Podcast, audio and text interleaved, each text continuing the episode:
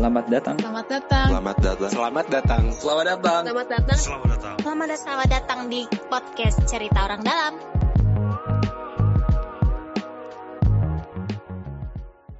Selamat pagi, siang, sore, malam. Selamat datang di podcast Cerita Orang Dalam. Kenapa produsernya sedih ini saya ngomong kayak gitu lagi ya? Ya, eh, ini pembuka yang sangat template ya, sangat standar gitu dari saya karena saya sendirian di sini jadi nggak ada yang nemenin ya. Tapi alhamdulillah eh, pembicaranya rame di sini ya. Ada pembicara yang selalu ada ya di sebelah kanan saya kalau teman-teman lihat di YouTube.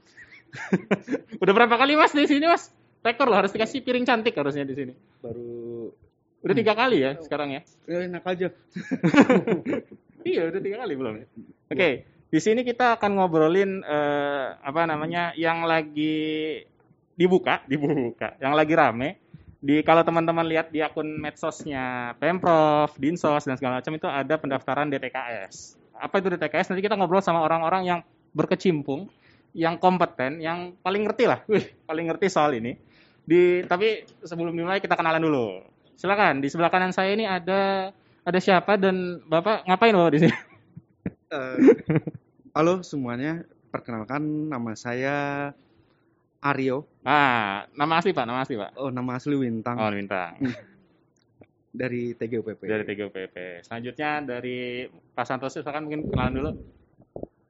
Perkenalkan, nama saya Santoso. Saya adalah Kepala Pusdatin Jamsos Dinas Sosial Provinsi DKI Jakarta. Terima kasih. Lanjut Bu. Perkenalkan, saya Ika, Kak Yuli Rahayu eh, panjangnya, Hmm. selaku Kepala Bidang Perlindungan dan Jaminan Sosial Dinas Sosial Provinsi DKI Jakarta. Oke. Nah ini yang satu bisa dibilang em, bagian yang nyatat-nyatat. yang satu adalah yang bagi-bagi. Betul, betul. betul. Bapak ngapain Bapak kalau Bapak? Saya melihat dari jauh. Oh, Bapak yang ngawasin di atas ya, Bapak ya. Nah, kita buka dulu dengan dengan tadi Bu. Eh, kan di medsos nih sudah ada pengumuman nih terkait eh, DTKS. Mungkin silakan nih, yang cocok mungkin Pak Santoso ya. DTKS itu apa dan sebenarnya itu eh, apa sih berpengaruhnya terkait eh, apa namanya pembagian tadi pembagian eh, bansos dan sebagainya gitu. Mungkin bisa, bisa, bisa dijelaskan terlebih dahulu Pak. Baik, makasih. Eh, DTKS itu adalah data induk Hmm. yang berisi data mengenai pemerlu pelayanan kesejahteraan sosial, Hmm. penerima bantuan dan pemberdayaan sosial, serta potensi dan sumber kesejahteraan sosial. Itu sesuai dengan amanat Permensos 3 tahun 2021 tentang. DTKS. DTKS itu kalau kepanjangannya adalah data ter, saya baca ya, data terpadu kesejahteraan sosial gitu. Jadi Iya, betul. bisa dibilang itu data induk supaya kalau mau dapat bansos itu dari situ berarti ya. Betul, itu adalah salah satu acuan data. Oke, salah satu acuan data. Salah Berarti ada acuan data yang lain tuh, Pak. Seperti bantuan KJP Plus, Heeh. itu eh, selain data DTKS, diambil juga data panti. Oke. Jadi data anak panti, Betul, betul, gitu, betul, atau betul. data anak yang orang tuanya disabilitas, Oke. gitu.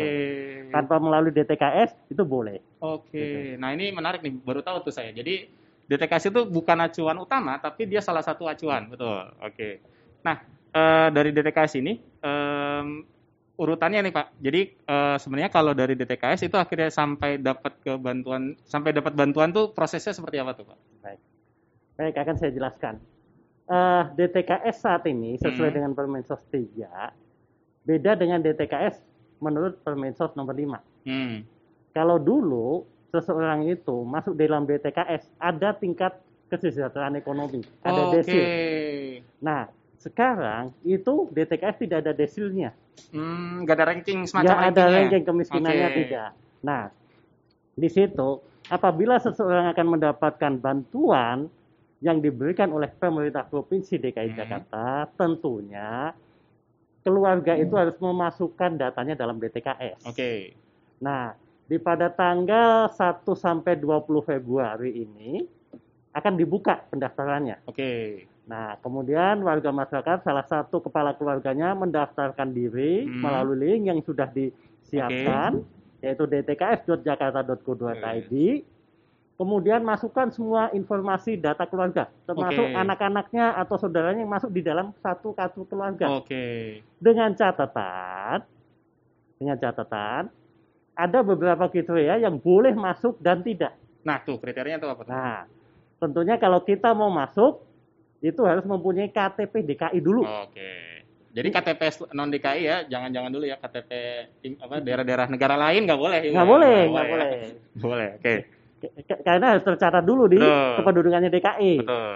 Nah, kemudian apabila ada salah satu anggota keluarganya itu adalah eh, pegawai BUMN, Hmm. kemudian PNS, TNI Polri, anggota DPR, DPRD itu juga tidak boleh. Oke. Ngeri ya anggota DPR dapat bansos ya. Nah, ini yang yang nggak kita perbolehkan gitu. Nah, kemudian juga ada yang memiliki mobil itu Oke. juga nggak boleh. Iyalah, iya benar sih. Nah, cuma ini harus diantisipasi kepada masyarakat Jakarta kita. Ah, Karena kenapa? Ada kalanya seorang eh, apa warga yang mampu atau kaya itu menggunakan KTP warga miskin untuk dijadikan kepemilikan mobil. Oh, Nah, kejadian yang dulu tuh Pak, ada yang ada supirnya atau apa ya KTP-nya dipinjam buat naruh SIM eh buat STNK mobilnya betul, betul. Itu Terus akhirnya- kasihan karena dia tinggalnya di gang sempit, nggak mungkin mobil bisa Tapi masuk. mobilnya Lamborghini. Nah, itu terjadi. Mau naruh di mana? Karena orang kaya kan menghindari pajak progresif. Betul. Oke. Nah, kemudian apabila dia mempunyai tanah atau lahan bangunan Oke. di atas satu miliar, Hmm. itu juga nggak boleh. Oh, Oke. Gitu. Siap. Itu berarti eh, kriteria-kriteria orang yang boleh masuk DTKS itu ya, Pak? Iya, Oh, itu yang tidak oke. boleh ya, yang saya Siap, sebutkan siap, tadi siap, tidak siap. boleh. Oke. Gitu. Lanjut nih, Pak. Eh, mungkin ke Bu Ika ya. Siap. Nah, dari ini kan sudah dari Bu, eh, Pak Santoso udah bilang nih bahwa kondisinya ini kriteria-kriterianya orang daftar link dengan mudah ya. Ini kayaknya mungkin kalau teman-teman yang dengar ada yang tahu provinsi lain ada yang kayak gini kasih tahu ya, Ci. Saya baru tahu soalnya di DKI kayaknya DKI doang nih yang gam- gampang nih buat buat daftar DTKS. Nah, lanjut Bu, Eh, dari ini kan data misalkan kita sudah terdaftar nih Bu di Iya. DTKS. Terus kita sebenarnya boleh eh, apa namanya?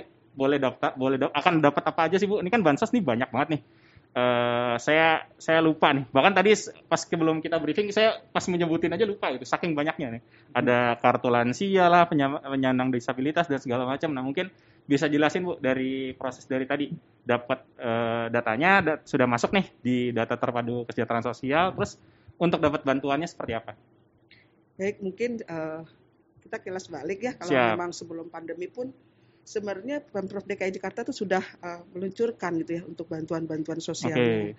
Seperti tahun 2018 itu sudah mulai ada kartu lansia Oh Jakarta, ya. kartu penyandang disabilitas dan kartu anak Jakarta yang pada saat Oke. itu baru di launching di satu kelurahan di daerah eh, wilayah Celincing, Oke. Jakarta Utara.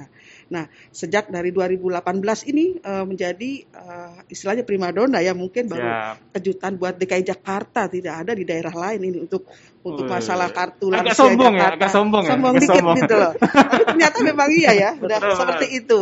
Jadi kartu lansia Jakarta yang mana Hmm. memang target kita sekarang ini sudah setiap tahun itu ya eh, sampai dengan eh, sesuai dengan EPRJMD di tahun 2002 ini sekitar 107 sekian Oke.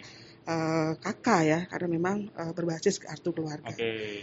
Kemudian juga eh, menjelang nih Hmm. ket- ketika peristiwa COVID gitu ya Oke. eh, melanda dunia khususnya di Indonesia khususnya di DKI Jakarta tentu ini menjadi eh, polemik juga ya karena memang banyak sekali yang terpuruk gitu. Hmm. Nah, nah, dengan adanya bantuan-bantuan ini yang memang sudah dilaksanakan jauh-jauh sebelumnya sebelum ada pandemi Provinsi DKI Jakarta Hmm. sudah meluncurkan itu Oke. gitu ya. Hanya memang eh, masih dalam taraf eh, yang belum semuanya gitu ya, belum semuanya bisa diberikan gitu. Hmm. Mengingat bukannya di pandemi ini bukannya makin menurun tetapi Ah, memang makin bertambah. Makin bertambah. Nah, untuk itu ketika terjadi peristiwa pandemi yang ada orang tuanya pun meninggal, Meninggal. karena COVID-19, ini diberi bantuan juga ternyata oleh Pemprov DKI Jakarta. Oh, Bantuan An- anak yatim piatu ya kalau salah, iya, betul? kartu anak dan remaja Oke. yatim piatu yang memang jumlahnya mungkin bertambah lagi Pak Santoso ya, betul. karena memang target kita waktu waktu itu Kayaknya 10 nanti abis ini cocok ngobrolin jumlah Iya. sama Santosa nih. jadi 10.000 ribu sekian kita Oke. eh, kita targetkan di tahun 2022 ini. Oke. Itu sih eh, ada hal-hal yang memang baru eh, yang booming gitu ya. Karena apa? Tidak berbasis keluarga, Oke. kepala keluarga, tapi berbasis jiwa Jadi anak. kalau satu keluarga bisa ada lima anak yang yatim atau Iya. piatu, bisa lima limanya Lima limanya dapat, besarannya pun 300 ribu rupiah Tiga ratus ribu per per bulan. oh, per bulan. Oke siap. Nah tadi udah di saya contek dikit. Ini kan saya boleh sebutin satu-satu nggak nih Pak? ada Bapak mungkin Bu Ika juga bisa nambahin. Ada KJP ada KJP Plus ya. KJP Plus. Oh ya benar. KJS ini masuk juga. KJS beda lagi. Oh, beda Tapi, lagi ya. Tapi sumber sumber datanya nanti dari dari pasar pasar ada KJS Plus. Terus ada eh, kartu lansia Jakarta. Ada kartu penyandang disabilitas Jakarta. Ada kartu anak Jakarta kartu pekerja bantuan tapi mungkin di, di dinas lain ya Iya.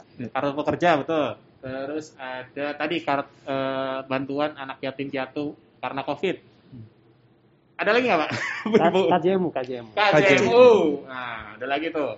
Apa lagi nih? Ada lagi nggak nih bantuan dari dari yang untuk warga-warga Jakarta nih? Kalau berupa uang ya itu. Oh, Oke. Tapi eh, istilahnya subsidi ya. Di satu sisi kita juga teman-teman dinsos ini bisa mengajukan eh, usulan berupa barang. Itu Hmm. kayak eh, teman-teman disabilitas yang butuh alat bantu oh dengar, iya terus betul. Yang ada kursi roda kursi roda, terus eh, kaki palsu ya pak Iya. ya. Hmm. Eh, terus ada Tongkat. ya untuk ya tongkat Tongkat. segala macamnya. Nah itu teman-teman di dinsos juga mengelola bantuan-bantuan Hmm. seperti itu. Hampir sekitar 5.000 yang udah dibagikan sama teman-teman dinsos eh, untuk teman-teman disabilitas yang membutuhkan eh, alat-alat bantu tersebut. Oke, siap, siap, siap. Tapi saya mau ngomongin data dikit sih Pak, sama Pak itu. Tadi dari angka-angka itu kira-kira berapa jumlahnya tuh Pak? Satu-satu tuh Pak. Kira-kira secara umum lah.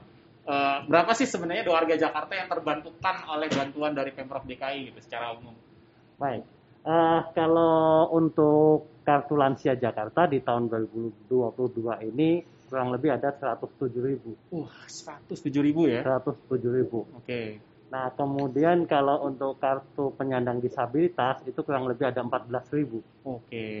Nah, kemudian kalau anak Jakarta itu kurang lebih 10 ribu. Oke. Nah, kemudian kalau KJP plus KJMU ini kan eh, yang nangani adalah Dinas Pendidikan. Dinas Itu kalau tidak salah untuk KJP plus itu kurang lebih di angka 850 ribu. Oke. Cukup banyak untuk Cukup banyak KJP ya. plus. Kalau di total hampir satu juta Us, Satu juta lebih. dan anggarannya 5T. Jadi 5T yang sudah di apa ya dianggarkan itu semuanya difokuskan kepada eh, Bantuan. warga miskin dan Oke. rentan gitu. Jadi lumayan tuh 5T. Nah, tapi menarik nih eh, dari Mas Bintang udah mancing nih soal 5T. Sebenarnya Apa Eh, nih? 5T itu apa? Em, bahwa sebenarnya kan ini adalah eh, gagasannya Pemprov DKI untuk membantu warga yang berkebutuhan ya. Sebenarnya gagasan utamanya seperti apa sih? Bagaimana sih sebenarnya eh, warga warga terbantukan oleh Pemprov DKI gitu apa ya udah ini kasih duit aja gitu atau atau kayak gimana sih sebenarnya gagasan utamanya ini dengan semangat semangat ini kan semangatnya ma- maju kotanya bahagia warganya gitu. Jadi eh, di kalau pemerintah kan sebenarnya punya punya eh, apa ya? punya wewenang atau punya kendali dalam otoritas dan fiskal. Oke. Jadi kita nggak bisa membiarkan warga-warga yang kurang mampu ini hidup begitu aja gitu kan. Jadi mau nggak mau pemerintah juga punya andil dengan konsep redistribusi ekonomi atau dalam hal ini retribusi penda- pendapatan. Jadi gimana warga bisa eh, memiliki pemasukan sehingga tadi kayak K- KLJ itu 600.000 ribu punya bisa mem- melakukan konsumsi gitu. Jadi uh, benefit-benefitnya juga mudah-mudahan bisa membantu mereka gitu Hmm. dalam kebutuhan sehari-hari.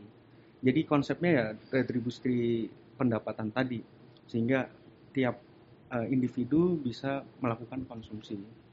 Itu kayak buat buat gerakin ekonomi juga ya karena Betul. duit mereka dapat duit duitnya dipakai buat belanja di warung betul. yang warungnya terbantukan juga dan segala macam ya Betul. mantap nih sangat ini ya sangat sosial sekali ya Hmm. Pemprov DKI ya Iya. Jadi emang nggak lepas dari hasil pembangunan juga sih kalau bisa dibilang ya. Hmm. karena eh, apa uang pajak kita ternyata digunakan juga untuk membantu warga-warga kurang mampu Betul. dan miskin dan rentan Gitu. oke Dan saya tambah lagi dari Siap. Mas Bintang, selain Pemda DKI memberikan dalam bentuk uang tunai melalui ATM Bank DKI, Hmm. pemerintah provinsi DKI, DKI Jakarta juga memberikan dalam bentuk pangan murah. Oke, iya itu belum Subsidi ya. pangan murah. Itu yang biasanya kerjasama sama station ya Pasar Iya, Jaya. Pasar Jaya Pasar Jaya. Betul. Nah itu biasanya ada ini ya, ada gula, minyak, Ikan, gitu. telur. Ikan, Jadi cukup cukup bergizi. Gitu. Betul betul betul. Jadi ininya juga apa namanya eh, dapat duit, dapat barang gitu. Bisa juga dapat jasa juga ya. Misalkan tadi kalau misalkan eh, apa namanya eh, tadi sempat dibahas tuh soal bagaimana anak ke panti ya kalau nggak salah ya. Tadi kan bapak sebut sempat sebut sebut juga gitu bahwa eh, KJP juga bisa eh salah satu acuan datanya adalah dari data-data panti gitu kan panti-panti sosial yang ada di DKI Jakarta gitu seperti itu. Nah, oke menarik nih. Tapi mungkin bisa dijelasin nih. Eh, saya buka Bu Ika ya. Dari Bu Ika mungkin eh, dari ini agak panjang nih. Dari yang tadi banyak tuh mungkin bisa dijelasin dapat berapa dan eh, cara daftarnya. Cara daftarnya berarti semuanya sama berarti harus masuk DTKS. Gitu. Iya. Jadi gini, uh, untuk uh, bisa menerima bansos ini Betul. memang uh, sebenarnya sangat mudah ya kalau memang sudah terdaftar di. DTKS. Itu salah satu acuannya tadi yang Betul. Pak Santoso uh, katakan bahwa terus nilainya, nilainya mungkin kita sesuaikan dengan kebutuhan dasar ya. Kebutuhan dasar minimal uh, bagi warga masyarakat DKI Jakarta Hmm. tentunya sudah uh, bisa memenuhi kebutuhan dasar. Oke. Ya, di antaranya seperti itu. Oke. Kenapa ada PKD tadi dia disebutkan pemenuhan kebutuhan dasar Hmm. untuk oh, bagi itu warga- acuan buat memberikan ya. iya. Oke. Kalau lansia itu kan lansia ah, hampir sama dengan bayi ya tentunya tentu Hmm. seperti itu sehingga dia lebih Makanya- besar makanya- Eh, eh, oke. angkanya 600.000 ribu per Oke. bulan. Kemudian untuk eh, penyandang disabilitas itu hanya 300.000 ribu Oke. per bulan. Anak pun demikian, anak eh, usia 1 sampai de- eh, 0 sampai dengan 5 tahun gitu ya. Itu sebesar 300.000 ribu rupiah Oh, yang ya. diberikan untuk kebutuhan dasarnya. Itu berarti Betul. ngambil tinggal diambil dari ke ATM Bank DKI berarti. Iya. Oh, iya. Oke, berarti berarti tiap bulan diambil. Nah itu ada suka bercanda nih. Kalau nggak diambil tuh hilang apa enggak? Tidak, tidak tidak hilang. kan suka ada yang marah-marah ya di kolom IG Iya. Dinsos ya. Biasanya dicek ya tuh. Kolom IG Dinsos tuh suka chaos tuh kalau rame-rame ya. Apalagi ada- kalau telat tuh. kalau saya nggak mancing ya sebenarnya tapi dibahas akhirnya ya. Pokoknya kalau telat itu biasanya IG Dinsos, IG DKI Jakarta rame itu Iya, biasanya. pasti rame itu. Kita harus segera segera menjawab. Betul, betul. Ini juga tanggung jawab juga kan, Iya. sebagai sebagai penyelenggaranya. Oke, tapi menarik nih Pak. Eh, kita ngomongin data lagi nih, eh, Pak Santoso gitu. Tadi eh, tadi soal telat lah, soal mungkin ada kecemburuan juga nih Pak. Kadang suka ada cemburu, kok ini ada yang dapat gitu, tapi kok ini ada yang nggak dapat gitu. Nah itu itu sebenarnya eh, pendataannya seperti apa sih? Jadi mungkin bisa dijelasin supaya tidak menimbulkan suzon-suzon di para warga masyarakat Jakarta gitu kan. Iya. Baik, makasih. Eh, memang kita lihat untuk memberikan bantuan, Hmm. kita harus mempunyai patokan atau landasan hukumnya dulu. Oke. Di sana ada di dalam eh, pemberian bantuan sosial itu untuk KLJ, KPDJ, KAJ itu ada eh, Pergub 24, Hmm. Pergub 96, dan Pergub 100 tahun 2019. Nah, salah satu persyaratannya selain masuk DTKS, yang bersangkutan itu mempunyai NIK nomor induk kependudukan daerah. Nah, ini yang saat ini Oke. mengunci, yang tadi menjawab Mas, eh, kenapa ini dapat, kena ini tidak. Hmm. Nah, karena dengan adanya NIK daerah, berarti Hmm. NIK Jakarta, NIK Oke. 31. Oke. Nah, ini eh, Bu Ika, Kabupaten Jamsos itu sedang melakukan revisi. Hmm. Jadi sedang direvisi tiga pergub ini bukan NIK tetapi eh, KTP daerah. Oke. Jadi KTP daerah itu adalah KTP DKI, walaupun NIK-nya Iya, itu NIK 31, 32, 33, tapi kalau udah masuk di du- apa Dukcapilnya DKI, Hmm. nah itu bakal dapat. Nah ini tentunya juga eh, tidak serta merta demikian. Tahapannya yang tadi awal saya sampaikan bahwa DTKS dulu itu ada desil. Nah sekarang tidak ada desil. Desil itu? Tadi rankingnya? Ranking. Rankingnya, oke. Nah, sekarang itu kita buka dulu nanti data apa lansia yang saat Hmm. ini itu data lansia di penetapan bulan Agustus 2021 itu kurang lebih 4,5 juta jiwa. Oke. Cukup banyak. Gitu. Nah, kemudian kita Banyak orang tua ya di Jakarta ya? itu itu ya, itu, itu semua usia. Semuanya. Semua usia. iya. Nah, dari 4,5 juta kita ambil usia yang eh, 60 tahun ke atas dan mempunyai NIK DKI, Oke. itu kurang lebih ada 245 ribu. Oke. Itu Nah, di, oh ya disortir lagi ya? disortir lagi.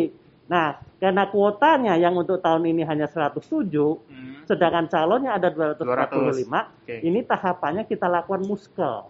Oke. Jadi kita lakukan musyawarah di kelurahan, disepakati di situ ya. Nah, dipimpin oleh Pak Lurah dengan mengajak elemen yang ada di kelurahan itu dengan Hmm. melibatkan RT RW, kemudian LMK, kader dasar Wisma, Posyandu, PKK. Jadi semua dilibatkan Hmm. untuk menentukan siapa yang mempunyai hak untuk Hmm. mendapatkan bantuan dari pemerintah provinsi DKI Oh, Jakarta. Tuh. Tetapi ke depannya eh, Bu Kepala Dinas Sosial sedang membuat kajian bagaimana untuk bantuan ke depannya. Karena jangan sampai kuotanya banyak, eh kuotanya sedikit, tapi calonnya banyak. Nah ini sedang dilakukan kajian. Nah nanti tentunya mengajak Mas Bintang juga sekaligus Oh, TGUP, yes. serta akademisi yang lainnya. Mas Mas Bintang diajak mulu Mas Bintang. Iya. Di mana-mana dia- diajak mulu. Menghilang langsung. tapi, tapi menarik nih Pak. Berarti eh, ini menjawab kekhawatiran warga juga ya. Berarti eh, kalaupun misalkan ada kejadian nih tadi yang dia merasa dia secara kriteria harusnya mendapatkan tapi eh, tidak dapat, berarti mesti di- coba mendaftar di TKS ini berarti ya Pak? Iya betul betul. Betul. Atau misalkan dia terdaftar nih, saya- dia udah ngecek di saya lupa ulingnya tuh, Pusdatin apa ya? Saya lupa tuh. Kalau untuk ngecek itu pp des Pusdatin des dinsos.jakarta Nah, mungkin bisa dicatat ya itu ya. PP dash des Pusdatin des Des- dinsos dinsos Jakarta jakarta.id. Nah, kalau misalkan sudah terdaftar tapi akhirnya dia nggak nggak nggak ini berarti mungkin itu di kelurahan berarti ya. Iya. Kejadi, apa namanya Di dia dalam muskel itu tadi. di muskal itu ya. Ya. Jadi silakan mungkin kalau ada yang ini bisa ke, ke kelurahannya masing-masing untuk mempertanyakan itu ya. Iya. Dan di kelurahan juga sudah ada petugas dari kami, Oke. namanya petugas pendata dan pendamping sosial. Oh, Jadi satu oke. kelurahan itu antara 1 sampai 8 orang di kelurahan tergantung eh, apa jumlah DTKS yang Hmm. ada di kelurahan masing-masing. Nah itu bisa ngebantu juga ya kalau misalkan dia pengen daftar di TKS lah itu ya. Bisa, bisa. Takutnya kan banyak yang nggak ngerti nih online gimana Iya. kan. Tapi ini saya anjurkan kepada masyarakat bagi yang mengalami kesulitan mengakses. Oke, Betul. betul. Soalnya nanti kalau bodong-bodong ini kan lagi pandemi. Pandemi betul. Soalnya takutnya ada yang derdek Pak megang HP, aduh ini bisa gimana? Iya betul. Silakan, silakan datang. Jumlahnya juga nggak banyak ya Pak ya. Iya betul. Betul. Ini sampai dari tanggal 1 sampai 20 ya Pak? Iya. 1 sampai 20 Februari. Oke. Nah, em, selanjutnya nih Pak, kira-kira untuk tadi kan sudah ada rencana ya, eh, mungkin ke Biga lagi. Eh, pergubnya tadi katanya mau diubah eh, untuk supaya eh, kadang ya tadi mungkin ada warga Jawa, Jawa Barat NIK-nya masih NIK Jawa Barat tapi udah jadi warga DKI gitu kan. Iya. segala macam. Mungkin ada rencana-rencana lain nggak Bu nih Bu terkait eh, bantuan terhadap masyarakat supaya ya tadi taraf hidupnya nggak semakin banyak nih yang jadi data penerima bantuan sosial gitu. Jadi gini, eh, kita memang sedang tadi, tadi Pak Santoso bicara bahwa kita sedang menggodok lagi nih ya Oke. untuk pergub yang ba- terbaru mungkin menjadi satu kesatuan Hmm. gitu ya, baik bansos itu baik lansianya, Hmm. baik anak disabilitas dan anak remaja tadi yang Oke. baru yang meninggal. Ya semoga nggak makin banyak lagi angkanya ya. Iya, di sana memang eh, akan dirubah untuk- mungkin ada eh, masukan ya dari semua itu bahwa eh, pergantian antar waktu itu supaya yang meninggal dunia bisa digantikan Oh, nih, oke. yang memang ternyata kan banyak nih. Update data ya. Ya, semua itu harus eh, segera mungkin ya, mungkin dari di triwulan pertama mungkin dia bisa Hmm. dimasukkan kembali ketika di triwulan pertama ini hasil rekonsiliasinya ternyata ada sekian ribu misalnya yang memang sudah meninggal dunia gitu ya Hmm. baik itu anak, baik itu disabilitas, baik itu lansia. Itu datanya sorry, dipegang sama Dinsos atau ke Kemensos? Di eh, Pusdatin, Pusdatin, oke. Eh, disiapkan di Pusdatin. Oke. Jadi dia waiting list lah itu ya. Tapi itu data lap- lapor tunggu. dulu ke atas gitu atau ke Kemensos atau cukup di Dinsosnya aja? Cukup di di Dinsos karena memang data sudah lengkap nih di. Pusdatin gitu Ya. ya. Sedangkan tadi saya eh, ceritakan lagi bahwa kuota di lansia saja kan ada 200-an. 200 ribu Ya, eh, jumlahnya ya datanya ya. Betul. Yang baru eh, yang memang harus diberikan kan 107. Hmm. Ini yang 93-nya ini Iya. ke mana nih 93 ribu? Itu pasti kita menunggu ya karena Hmm. keterbatasan tadi saya Betul. bilang gitu. Nah inilah yang lainnya dengan yang tahun yang lalu. Kalau yang tahun lalu kita nggak bisa memasukkan nih data yang Hmm. karena pergubnya nggak bunyi, nggak Oke. bicara seperti itu. Insya Allah 2022 ini akan ke sana. Insya Allah semua akan bisa dimasukkan gitu ya untuk bisa menerima bansosnya. Nah kemudian juga mungkin eh, seperti anak dan remaja ini, ini kan Hmm. baru ya. Hmm. Kemarin di 2021 di penghujung tahun gitu ya Oke. kita memberikan dengan pergub yang barunya. Nah ini pun akan dijadikan satu di situ dengan pergubnya Nah, akan diberikan per jiwa. Jadi beda Oke. dengan yang beda dengan yang per Ya, kakak. per kakak. Jika satu keluarga ada anaknya tiga, Hmm. yatim yatim gitu ya atau piatu, Hmm. itu akan diberikan ketiga-tiganya. Oh, oke. Jadi satu keluarga itu bisa Jadi tiga dapat dapat tiga ya? tiga ratus kali jumlah anaknya seperti itu. Siap, Iya. siap, siap, siap. Nah, Lumayan ya. Iya. balik lagi nih ke Mas Bintang nih. Eh, kira-kira nih eh, ya tadi kan tadi ngomongin bahwa ini adalah re- re- redistribusi nih kayak apa namanya duit pajak lah duit pemasukan ke APBD dan sebagainya. Akhirnya dikembalikan lagi dalam tanda kutip ke masyarakat yang membutuhkan. Nah kira-kira eh, dalam dalam beberapa bulan ke depan nih sisa waktu cie bener kan? Diingetin lagi ya. Kira-kira apa gagasan lagi apa gagasan yang akan dicoba dicapai gitu? Apa apa sih goalsnya gitu dari dari pemprov DKI supaya tadi masyarakat eh, DKI Jakarta taraf hidupnya lebih baik lagi Kalau ngomong taraf hidup yang lebih baik lagi tuh kayaknya lebih itu luas banget ya. oh iya betul dan lebih. Cuman untuk bantuan sosial ini kita pengen coba diperluas cakupannya. oke Diperluas cakupannya itu jadi yang kayak tadi Bu Ika sampaikan yang sebelumnya KLJ yang dapat cuma tu- baru 77.000 dinaikkan jadi 107. Terus yang eh, KPDJ yang sebelumnya 10.000 Hmm. dinaikkan jadi 14.000. Jadi eh, mau memaksimalkan itu. oke eh, jadi yang berhak harusnya bisa lebih da- bisa Betul. dapat ya dan kuncinya kan kalau di bansos sendiri kan sebenarnya ada di Pak Santoso nih. Eh, eh, data data yang Betul, jujur gitu betul. jadi nggak bisa serta merta tiba-tiba dikasih gitu betul, betul, betul. jadi ada prosesnya di Pak Santoso jadi ya untuk target di perkartuan lah kalau perkartuan ini ya benar. untuk memperluas Benar sih. jangkauannya aja gitu itu sih. Oke, ya. Bap- Bapak perkatuan ya berarti ya. Iya, Nah, eh, mungkin eh, tadi udah dari Wika, dari Mas Bintang, Silak- dari Pak Santosa mungkin apa ya rencana ke depannya mungkin tadi ya? Apa mau perapihan datanya lebih baik lagi? Atau mungkin ya semoga duit APBD-nya lebih gede lagi supaya biar bisa saya nambahin dikit boleh ya? Ya. Eh, tadi kan selain memperluas jangkauan mungkin nanti ini masih digodok juga sih bentuk-bentuk intervensi intervensi sosial yang bisa dilakukan atau intervensi ekonomi yang bisa dilakukan pada warga rentan dan miskin ini. Hmm. Jadi nggak nggak cuman mereka dapat bansos saja gitu. Mungkin bisa dikembangkan ke tingkatan yang lebih misalkan diajak ke eh jakpreneur. Oke. Misalkan di Nggak eh, dapat ikannya doang ya. Bahasanya Iya, dapat betul. kayunya juga gitu kan. Lagi lagi coba dikaji kemarin kita sempat ngobrol sama Pak Santo sama Bu Ika gimana nih intervensi sosialnya atau intervensi yang bisa diberikan terhadap eh, apa namanya warga miskin atau enggak penerima bansos Oke. ini atau bisa jadi nanti ke depannya eh, penerima bansos dapat literasi tentang lingkungan misalkan bisa Oke. jadi gitu bisa jadi dapat eh, literasi tentang keuangan bisa jadi seperti itu cuman ini masih dalam tahap eh, pembahasan sih karena itu butuh butuh diskusi yang panjang juga gitu. Itu sih.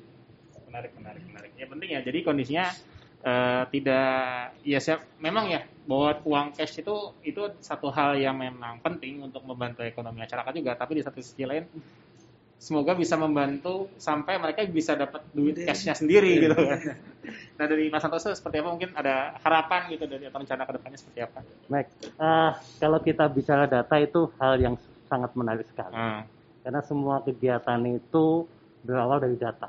oke Dan data yang valid itulah yang diharapkan oleh pemerintah Provinsi DKI Jakarta Hmm. untuk eh, memberikan bantuan sosial secara tepat sasaran.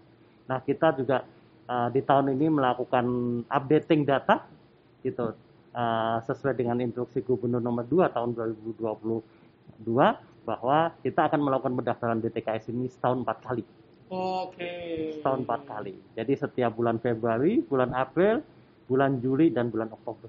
Itu. Oke. Jadi data itu akan kita selalu update dan kita juga akan selalu melibatkan dengan eh, perangkat kelurahan, kecamatan maupun wali kota juga terutama kepada lembaga kemasyarakatan seperti RT RW karena mereka lah yang Hmm. paham warganya siapa, masih ada atau tidak, Oh, sudah iya. meninggal atau Betul, belum. betul. Nah, itu. Jadi eh, semua stakeholder itu kita ajak untuk sama-sama peduli terhadap data DTKS ini.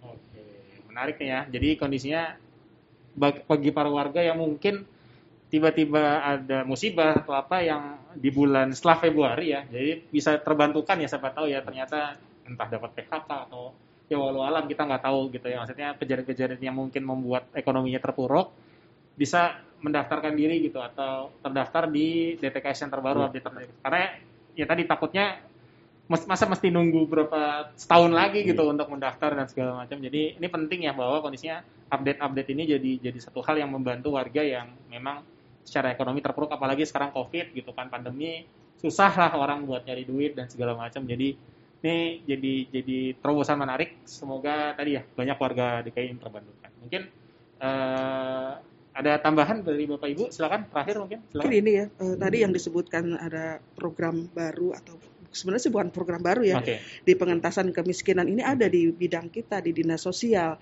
di mana bekerjasama dengan eh, yang Jackpreneur tadi gitu ya. Memang belum mencakup ke yang sekarang yang pada posisi eh, angka yang tadi oke. disebutkan ya yang semakin banyak. Saya insya Allah eh, ke depan karena memang restrukturisasi organisasi ya Hmm. dihilangkan bidang itu gitu kan hilang bidang itu karena memang adanya di pemberdayaan sosial bidang Oke. pemberdayaan sosial dan ini memang sudah dilaksanakan oleh dinas sosial Hmm. jadi tidak hanya memberi tapi memberikan kailnya Filenya tadi untuk bisa mereka usaha mandiri melalui. Jackpreneur tadi Betul. itu sudah dilaksanakan oleh eh, dinas sosial terkait penanggulangan kemiskinan belum Hmm. yang sekarang ini ya yang artinya data yang memang baru ternyata melonjak sangat banyak Iya. seperti ini Oke. dan akan ke sana mungkin arahnya walaupun memang eh, bidangnya itu hilang tapi ada di bidang pemberdayaan sosial Oke. gitu artinya akan ke sana Siap, arahnya siap, siap, siap. diberikanlah untuk eh, warga miskin yang memang harus bisa mandiri nanti membiayai dirinya sendiri kan gitu tidak lagi tergantung dengan pemerintah tentunya Oke, seperti itu siap. tambahan sedikit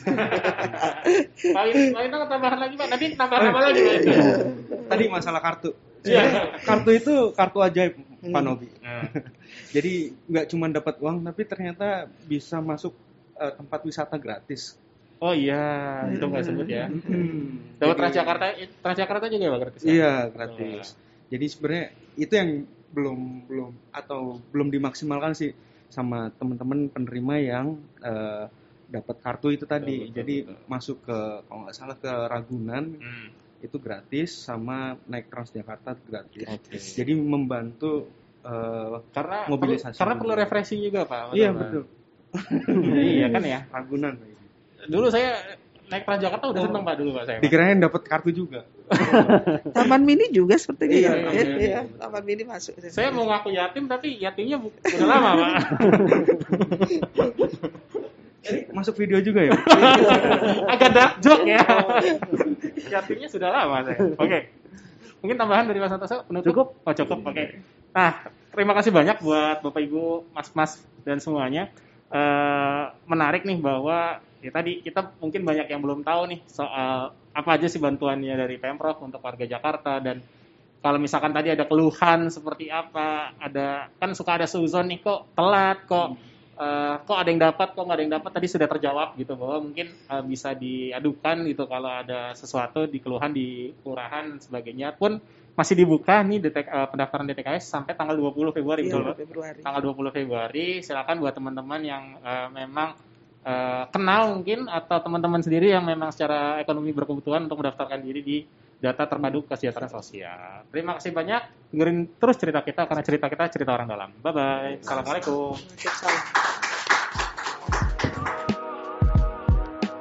Selamat datang. Selamat datang. Selamat datang. Selamat datang. Selamat datang. Selamat datang. Selamat datang.